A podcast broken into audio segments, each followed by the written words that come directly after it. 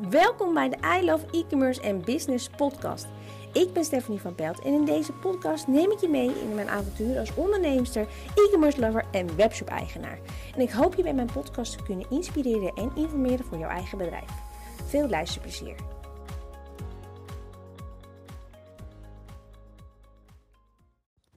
Hey, welkom bij weer een nieuwe podcast. Ik heb vandaag weer een video voor je in de aanbieding.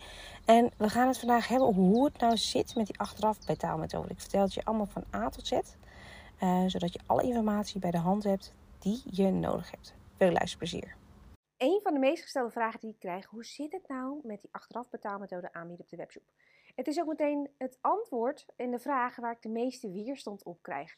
Want wat we ons vaak niet beseffen is dat je als bedrijf zijn, als webshop zijn, verplicht bent om een achteraf betaalmethode aan te bieden. En ik ga je dus precies uitleggen hoe het nou zit. Je hoeft niet meteen te gaan stuiteren, want het is niet meteen paniek in de tent. Er zijn zoveel verschillende mogelijkheden waar het voor jou al makkelijk maakt en zonder risico om dit aan te bieden.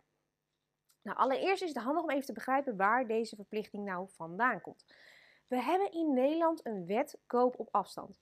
En deze wet beschermt de consument bij het online kopen. Want als je naar een winkel gaat, dan kan je van tevoren even het artikel voelen, eventueel ruiken als je ze willen. Daar proeven niet, want dan moet je het al kopen. Maar je kunt het wel passen, dus je weet van tevoren als je het koopt dat het goed is.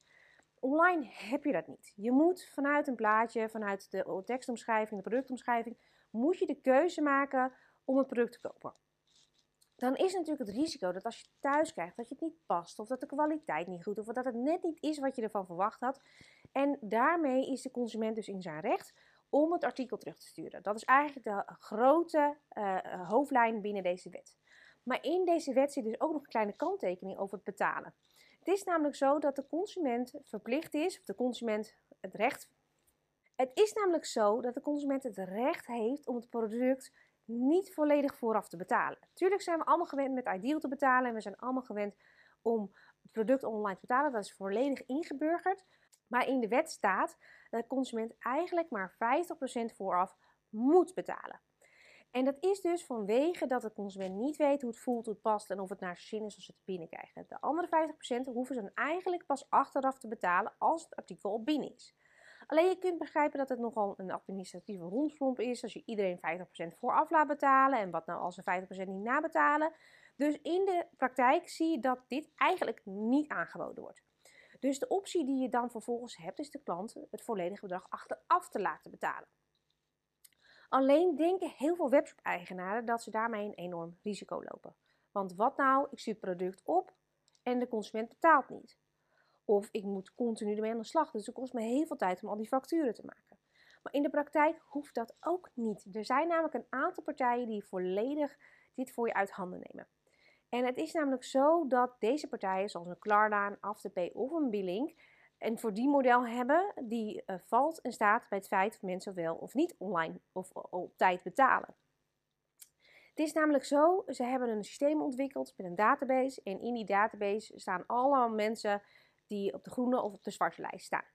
Binnen enkele seconden, als iemand kiest bij jou op de website voor Afterpay, Klarna of Billing, gaat die, de gegevens van die klant door die database heen. Als Afterpay, Klarna of Billing, dus achteraf betaalmethode, groen licht geeft voor de betaling, dus jij krijgt het binnen, dan ben je altijd gegarandeerd van jouw geld. Het is namelijk zo dat je het risico hebt afgekocht door een bepaald betaalpercentage bij die partijen. Dus zij betalen jou binnen meestal twee weken, een week betalen zij jou uit. En zelf gaan ze achter die betaling aan. In principe verdienen zij hun geld natuurlijk met die betaalpercentages die ze moeten afstaan. Maar aan de andere kant verdienen zij heel veel geld juist als mensen niet op tijd betalen. Dus als jij als consument zijnde wat, uh, wat bestelt met een van deze betaalmethodes en je bent te laat, dan komt er al gauw een x-bedrag op. En op een gegeven moment, als je het helemaal bond maakt, dan krijg je natuurlijk een incasso achter je aan. Al die boetes, alles wat daarbij komt kijken, daar zit het verdienmodel in van deze partijen. Dus in plaats van dat jij bang hoeft te zijn dat je je geld niet krijgt, is het dus zo dat je ten alle tijde je geld krijgt en dat die partijen ermee aan de haal gaan bij de consument. Dus door een achteraf betaalmethode aan te bieden, ben je dus ineens wettelijk helemaal 100% op orde. Want is nu namelijk zo dat je eigenlijk feitelijk op je vingers getikt kan worden door het niet te hebben. Daarnaast is het zo dat je vaak ziet dat het een conversieverhogend werkt. En veel mensen zijn dan bang dat iedereen in ene voor die achteraf betaalmethode gaat kiezen. Ik kan je uit ervaring vertellen dat het in de praktijk best wel meevalt. De meeste mensen kiezen toch wel voor Ideal omdat ze niet met die romslomp willen zitten.